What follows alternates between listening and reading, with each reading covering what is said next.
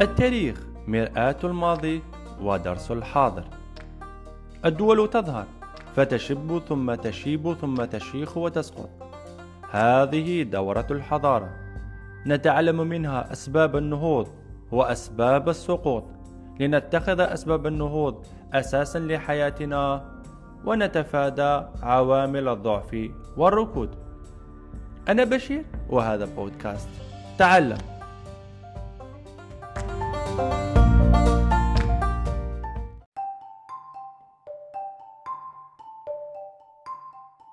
موسم جديد من برنامج تعلم بودكاست وهو يتحدث عن تاريخ الجزائر الحديث والمعاصر والموسوم ب الدولة الجزائرية في التاريخ الحديث والمعاصر. بسم الله الرحمن الرحيم والصلاة والسلام على أشرف المرسلين نبينا محمد وعلى آله وصحبه أجمعين إلى يوم الدين. أما بعد السلام عليكم ورحمة الله تعالى وبركاته. بعد أن تطرقت في الموسم السابق عن أحوال إفريقيا من قوة الدولة في العهد العثماني الإسلامي وأسباب تراجعها وما قام به الغرب الإمبريالي ضد شعوب إفريقيا وآسيا وكيف قاومت المنطقة حتى تسترد سيادتها التي كانت منقوصة. وسرعان ما وجدت مقاومة من نوع آخر لتسترد سيادتها على الاقتصاد الوطني للقارة اليوم سأذهب بكم إلى الجزائر التي هي نموذج عن الدول القوية التي بقيت شامخة رغم ما قام به الاستدمار الغاشم من سفك للدماء وهتك للأعراض وسلب للأراضي. وبعد كل هذا التمهيد سنتطرق لموضوعنا وهو كيف ظهرت دولة الجزائر البحرية وهل امتد تاريخ الجزائر قبل هذه الدولة. حلقة اليوم. تاريخ الجزائر الحديث. أحوال دولة الجزائر البحرية. يعود تاريخ الجزائر لأقدم العصور حوالي 2000 سنة قبل الميلاد من الحضارة على هذه الأرض المباركة. ودون الدخول في التفاصيل فإن التاريخ الوسيط للمغرب الأوسط أي الجزائر سينتهي بسقوط دولة الموحدين سنة 1269 ميلادي لتبدأ مرحلة جديدة من تاريخ المنطقة بصراعات. فبعد سقوط دولة الموحدين انقسم المغرب الإسلامي إلى ثلاثة مناطق. أولا الحفصيون أسسها أبو زكريا يحيى بن حفص في المغرب الأدنى عاصمتها تونس. الزيانيون المعروفة بدولة بني عبد الواد أسسها يغمراس بن زيان في المغرب الأوسط عاصمتها تلمسان. المرينيون أسسها أبو محمد عبد الحق الأول في المغرب الأقصى عاصمتها فاس. دخلت هذه الدول الثلاثة في صراع حول السلطة عانت منها الدولة الزيانية حيث هاجمتها الدولة الحفصية من الشرق والدولة المارينية من الغرب وقلصوا حدودها. هذا التفكك ساعد الإسبان بعد احتلال الأندلس. أي الإسبان احتلوا الأندلس في سنة 1492 وسلمهم آه، محمد الصغير أو عبد الله الصغير مفاتيح المدينة. على احتلال موانئ المغرب الإسلامي. فاحتلت وهران والمرسى الكبير عام 1509 ثم بجاية عام 1510 ولما رأت مدينة الجزائر وتلمسان ما قام به الإسبان من مجازر استسلمتا عام 1511 وبذلك أصبحت سواحل المغرب الأوسط في قبضة الإسبان. هذا ما دفع أعيان مدينة الجزائر بالاستنجاد بالأخوين عروج وخير الدين بربروس اللذان كانا في بجاية عام 1515 ومن قبل قام بحرب شرسة ضد الإسبان في مدينة بجاية عام 1512 وقد ذاع سيتهم في العالم الإسلامي. لما قاموا به من نجدة من نجدة إخوانهم المستضعفين خاصة إخوانهم في الأندلس حيث بدأ الأخوين بتحسين مدينة الجزائر بالمدافع لتحريرها من قبضة جنود الكفرة وهذا التعبير قد جاء في مخطوط آه، في مخطوط الزهرة الثائرة حينما أغارت عليها الجنود الكافرة. وبقي من سنة 1515 لغاية 1518 يحاولون تحرير مدينة الجزائر.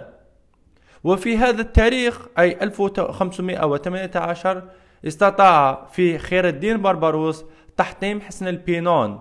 وحصن بينون وهو الحصن أو الحامية العسكرية التي وضعتها إسبانيا لحراسة مصالحها في الجزائر. وفرض على على ملك الجزائر سلم التومي دفع الضريبة بالقوة الذي بناه الإسبان كما قلنا. وبذلك تحررت مدينة الجزائر في نفس التاريخ أي 1818 وبطلب من أعيان مدينة الجزائر حسب مخطوط المؤرشف تحت اسم الزهرة الثائرة فيما جرى حين أغارت عليها الجنود الكافرة لشريف الزهار والذي حققه عبد الله حماد.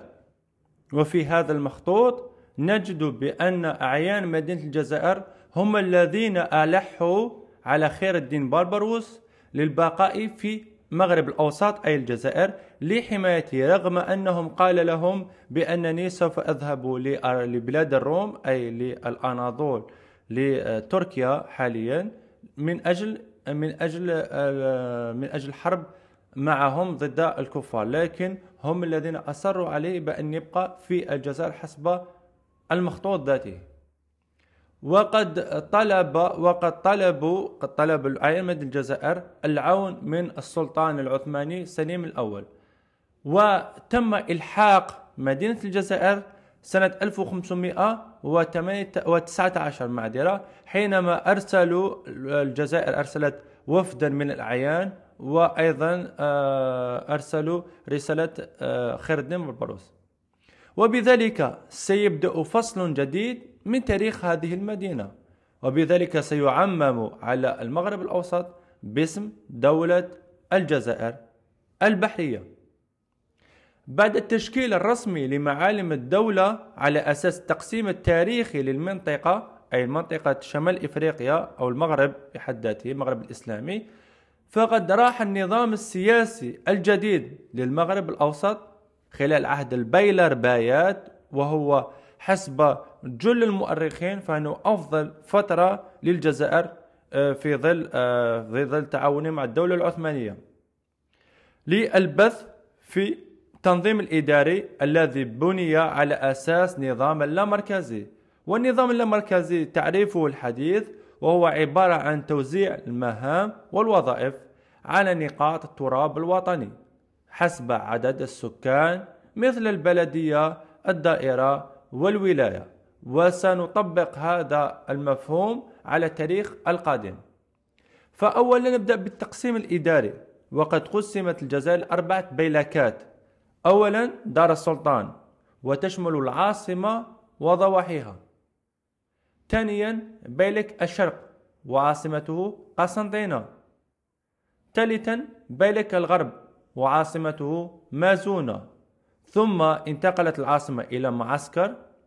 ثم أصبحت العاصمة المفترض أن تكون آه، وهران وقد أصبحت وهران بعد استرجاعها من الإسبان سنة 1792 لأن وهران بقيت محتلة وهران ومرسى الكبير بالضبط بقيت محتلة من طرف الإسبان لغاية تحريرها من قبل التحالف العثماني الجزائري سنة 1792 وأخيرا بيلك التيطري وعاصمة المدية وهو أصغر البيلكات. فيه الامتيازات العثمانيين والكارغينة.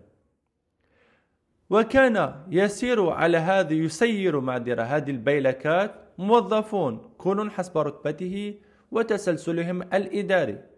حيث يتكون جهاز الحكم في دولة الجزائر البحرية من أولا الولي العام ويمثل أعلى هرم الحكم. يجمع السلطتين.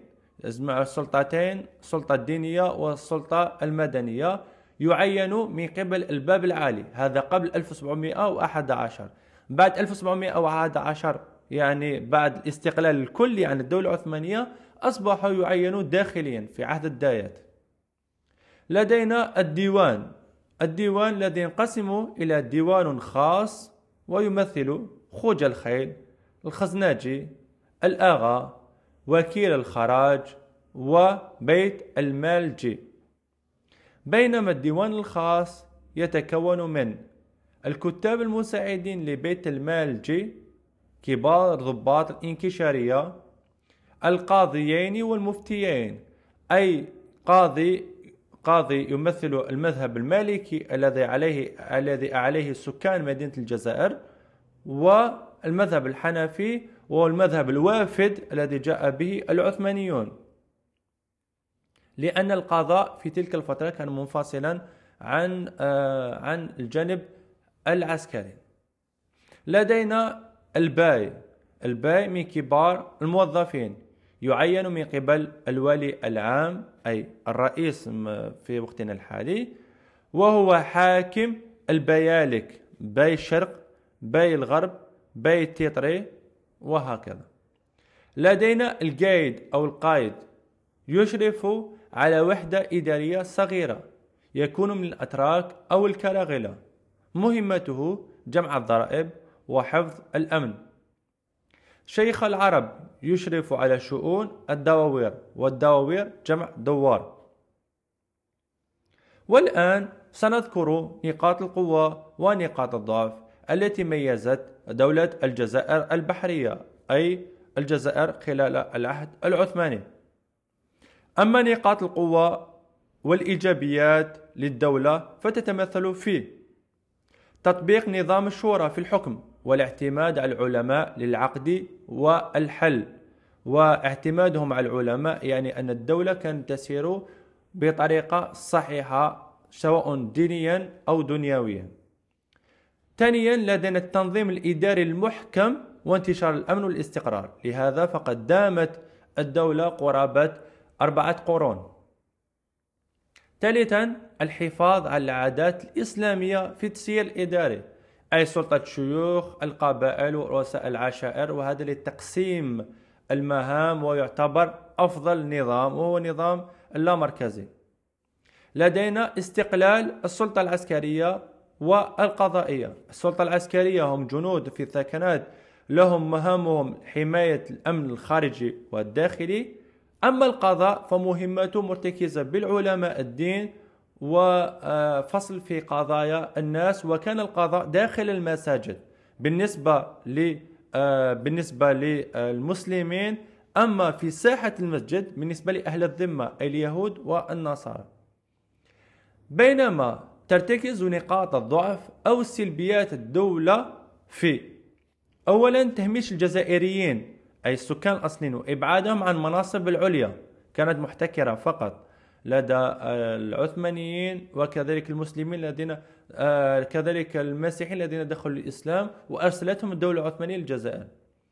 لدينا أيضا التمييز بين القبائل بمنح امتيازات لقبائل المخزن وقبائل المخزن يعني القبائل الموالية للنظام العثماني وهم محليون. لدينا أيضا نظام اللامركزي مع أواخر فترة الدولة. ليس في البداية. نظام اللامركزي في أواخر عهد الدولة كان يشجع على التمرد والانفصال مثل ما كانت ثورة شريف الدرقاوي. لدينا أيضا اهتمام بالجانب المالي والعسكري وإهمال باقي الجوانب خاصة العلمي. العلمي كان مستكلف به فقط أعيان يعني سكان المدينة فقط. مثلا شخص يريد أن يدرس في القيروان أو في جامعة الزيتونة أو جامعة الأزهر كان هناك وقف يسمى بوقف سبل الخيرات. هو بفضل آه، بفضل الأوقاف التي منحها سكان الجزائر بمنح تلك الأموال لذلك الشخص كي يدرس في الخارج علوم الدينية والدنيوية. بعد هذه اللمحة السياسية والإدارية سنتطرق لأوضاع الاجتماعية والثقافية والتي مثلت ثراء بتنوع الأعراق وما جلبه الوافدون إلى الجزائر أو المغرب الأوسط من إرث ثقافي. المغرب الأوسط أي أن الفترة الزمنية التي نتحدث عنها حاليا فترة التاريخ الحديث لا يمكن أن نقول الجزائر وإنما نقول المغرب الأوسط أو دولة الجزائر البحرية.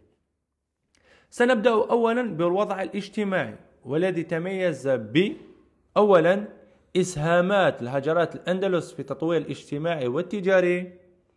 الغزو الإسباني للسواحل المغاربية وتخريبها مما أدى بنزوح المحليين. نزحوا إلى مناطق الجبلية وسيأتي آه، للشمال الأندلسيون. أيضا قدوم العثمانيين بحضاراتهم الشرقية الذين أثروا الحياة الاجتماعية. وهذه التأثيرات الخارجية ساهمت في تشكيل النمط الاجتماعي. أولا سكان الحضر أي سكان المدن وهم الأقلية الطبقة المتحكمة في مقاليد الدولة. لم يتجاوز عددهم عشرين ألف نسمة منهم الكراغلة الأندلسيون أهل الذمة ويقطنون في المدن الساحلية. فقط هنا ملاحظة أهل الذمة لا يحكمون وإنما كانت مهمتهم فقط اقتصادية لكن لم يح لا يحكمون. وكذلك بالنسبة للأندلسيين أيضا لا يحكمون لكن كانوا يحكم في البداية العثمانيون ومن ثم أشركوا الكراغلة لكن لم يرقوهم إلى مناصب آه، الحكام. لدينا سكان البدو أي الريفيون الذين يسكنون في الأرياف ويمثلون الأغلبية وهم السكان الأصليون إما عرب أو أمازيغ والذين يتكونون من قبائل وعشائر مثل قبائل المخزن. وقبائل المخزن هم كانوا همزة وصل بين السكان والسلطة. والسؤال يتبادل لماذا لم آه لم يحكموا آه السكان الأصليون؟ لأن السكان الأصليون كانت كانوا يهتمون فقط بأراضيهم وبمنشآتهم ولم يريدوا أن يحكموا. الذين كانوا يحكمون هم الأعيان يعني التجار الحرفيين وغيرهم. الذين كانوا يهتمون بالسياسة. أما اقتصاديا فقد مارس سكان الدولة عدة أنشطة لم تختلف عن الفترات السابقة من تاريخ المغرب الأوسط. ومن هذه النشاطات نذكر أولا الزراعة هي النشاط الأصلي والغالب عند الجزائريين. وأهم محصول زراعي هو القمح الذي مونت به أوروبا. بالإضافة إلى القمح يوجد الخضر والفواكه وأيضا ممارسة الرعي. لدينا الصناعة وهي الصناعة التقليدية وكانت هناك حوالي 40 حرفة 40 حرفة تقليدية ولهذه الصناعة أمين وأسواق خاص بها. وأهم هذه الحرف نجد صناعة الحرير وصناعة الصوف والجلود بالإضافة لاشتهار الجزائر بصناعة السفن والأسلحة.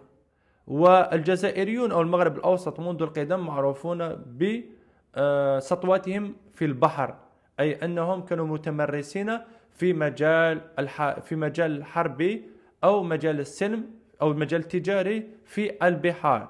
وقد قال صلاح الدين أيوبي رحمه الله حينما شارك معه أخوه سيدي أبو مدين الغوث أو أبو مدين الغوث في تحرير بيت المقدس لما منح لما منح لأهل المغرب أو أهل شمال إفريقيا آه، حارة المغاربة فقالوا له لماذا؟ قال له العرب لماذا منحت هذه المنطقة للمغاربة؟ خاصة المغرب الأوسط هنا نذكر أن المغرب ليس بمعناها المغرب الأقصى. المغرب الأقصى دولتهم الحديثة تسمى في الأصل موروكو أو مراكش وليس المغرب الأقصى. نحن فقط كعرب نقول لهم المغرب الأقصى لكن في الأصل هي مراكش دولة العلوية. بينما المغرب نعني به الجزائر تونس وكذلك مراكش. وهذا آه وهذا هو المصطلح الصحيح. فلما قالوا له لماذا؟ قال لهم إن إن المغرب أبطش في البر وأأمن في البحر أي أنهم متمرسون في البحار. لهذا فالجزائر تعرف بصناعة السفن. هذا ما يجب في وقتنا الحالي أن نبني أن نبني عليه وأن نمتاز في صناعة السفن ونقويها ليكون لنا أسطول بحري في البحر المتوسط قوي جدا. لدينا أيضا أنه في الصناعة لكل آه لكل حارة صناعته الخاصة. فمثلا هناك زنقة زنيقة الدباغين زنيقة الحدادين زنيقة آه الصياغين وغيرهم. يعني كل منطقة لها صناعة كل زن كل حارة لها آه أو كل شارع له له صنعته الخاصة. وهذا أيضا موجود في لا زال موجودا حاليا في مدينة المدية أو ولاية المدية موجود في هذه هذا التراث لا زال باقيا. لدينا أيضا التجارة. ميزها ميزتها أو ميز ميزتها الحيوية والنشاط الكبير خاصة التجارة الخارجية التي كانت مع دول أوروبا وإفريقيا جنوب الصحراء ودول الشرق المتوسط الشرق البحر الأبيض المتوسط. أما التجارة الداخلية فتمثلت في الأسواق الأسبوعية بالحواضر والقوافل التجارية التي كانت تجوب جهات البلاد. أما الجانب الثقافي فقد ازدان بثرائه لما أضافته الأعراق الوافدة إلى دولة الجزائر البحرية خاصة الأندلسيون ونميز شقين في هذا الجانب. أولا التعليم. انحصر التعليم على الحواضر الكبرى مثل تلمسان بجاية قسنطينة أكيد مدينة الجزائر. تخصص السلطة لجزء من الأوقاف خاصة أوقاف سبل الخيرات للمؤسسات التعليمية حيث تتكفل بتسييره لجنة الأوقاف والزوايا بالإضافة لتمويل أولئك التلاميذ لجزء من التعليم خاصة ليس التلاميذ فقط ليس أب أب أباء تلاميذ وإنما أثرياء مدينة الجزائر أو أثرياء الجزائر بشكل عام كانوا يقدمون أوقافا أو أموالا يوقفونها لله في يد المؤسسة سبل الخير سبل الخيرات وهذه المؤسسة تدعم التعليم. كان التعليم بيمر بمرحلتين. الأولى المرحلة الأولى يشرف عليها الكتاب والمساجد على تلقين القراءة والكتابة وحفظ القرآن والحساب. مدة أربع سنوات. وبعد أربع سنوات الشيخ شيخ آه، شيخ أولئك التلاميذ يوجههم إما للحرفة وهي الغالبية وإما للتعليم العالي. ولما الشيخ لما يقول بأن ذلك التلميذ يوجه إلى التعليم العالي فإن أوقاف سبل الخيرات يمونونه بالمال ليكمل دراسته في جامع الزيتونة أو جامع الأزهر. وهذا لما يكمل دراسته ويعود إلى الجزائر يعلم آه، أناس آخرين أو يمتهن القضاء وغيره المرحلة الثانية تستقبل الناجحين المدرسة العلية العليا أو العالية وتلقنهم علوم الشرع وعلوم الإنسانية خاصة التاريخ والفلسفة والمنطق. وهذه لم تكن في الجزائر وإنما كانت في آه، في تونس وكانت في كذلك مصر. لدينا اثنين الفنون والفنون تأثر المجتمع الجزائري بالروافد الحضارية وقد ساهمت في إثراء الفنون. أولا فن المعماري بناء الحصون القصور قصر مثل قصر رياس البحر وكذلك قصر خداوة العمياء وغيرهم القصور الموجودة في الجزائر كلها. وكذلك الحمامات وغيرهم. الرسم تزيين العمارات أو الأبنية بالرسوم والزخارف والحفر على الخشب أي النقش على الخشب والطرز على الحرير. الموسيقى. عرف الجزائريون عدة طبوع موسيقية منها طبوع الملتزمة ليست الطبوع الأخرى. فمنها الأندلسي الموشحات وهي قصائد فيها فقط الصدر وتغنى وفي الغالب آه، هي عبارة عن أشعار إما أشعار حماس أو أشعار عاطفية أو غيرها. والعثماني والبدوي المحلي البدوي المحلي مشتهر آه، مشتهر في الأرياف. بالإضافة للمديح النبوي في الزوايا وهذا المديح النبوي كان آه، كان يغنى أو يمدح به في المواسم مثل الأعياد مثل المولد النبوي.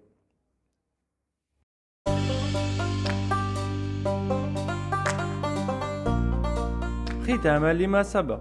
نستنتج أن مظاهر الدولة الجزائرية بالمفهوم القانوني الحديث تشكلت وفق مجال جغرافي بحدوده الحالية حدود الحالية في وقتنا الحالي واستقلال خزينتها عن الدولة العثمانية وسك النقود باسمها. لما دولة تسك أو تطبع النقود باسمها فهي دولة مستقلة ودولة قوية. واتخاذها واتخاذ أختام خاصة باسم الجزائر حتى أن آه، آه، محمد دومير محمد دومير كان في بحوثه يقول بأنه مثلا إسبانيا تقول دولة الجزائر لما تمضي اتفاقية مع الجزائر مثلا البرتغال وكذلك دول الشمال أي الدنمارك والسويد وغيرهم يكتبون اتفاق بين مثلا الدولة مثلا تلك الدولة ودولة الجزائر البحرية. هذا ما يمثل سيادة الدولة وقوتها. لدينا أيضا امتلاكها لقوة عسكرية ضاربة والمتمثلة خاصة في الأسطول البحري وقبضها للإتاوات المفروضة على دول أوروبية. لدينا أيضا توقيع الجزائر للمعاهدات والاتفاقيات مع الدول الأجنبية واستقبال قناصلها وبعثاتها الدبلوماسية وهذا ما يمثل قوة الدولة أيضا. لدينا أخيرا تقسيم الجزائر لأربعة بيلكات وهي بيلك الشرق قسنطينة بيلك الغرب كما قلنا وهران وبيلك التيطري المدية ولدينا أخيرا دار السلطان وتعيينها عاصمة للبلاد. وبهذا نكون قد أكملنا هذه الحلقة. والسلام عليكم ورحمة الله تعالى وبركاته.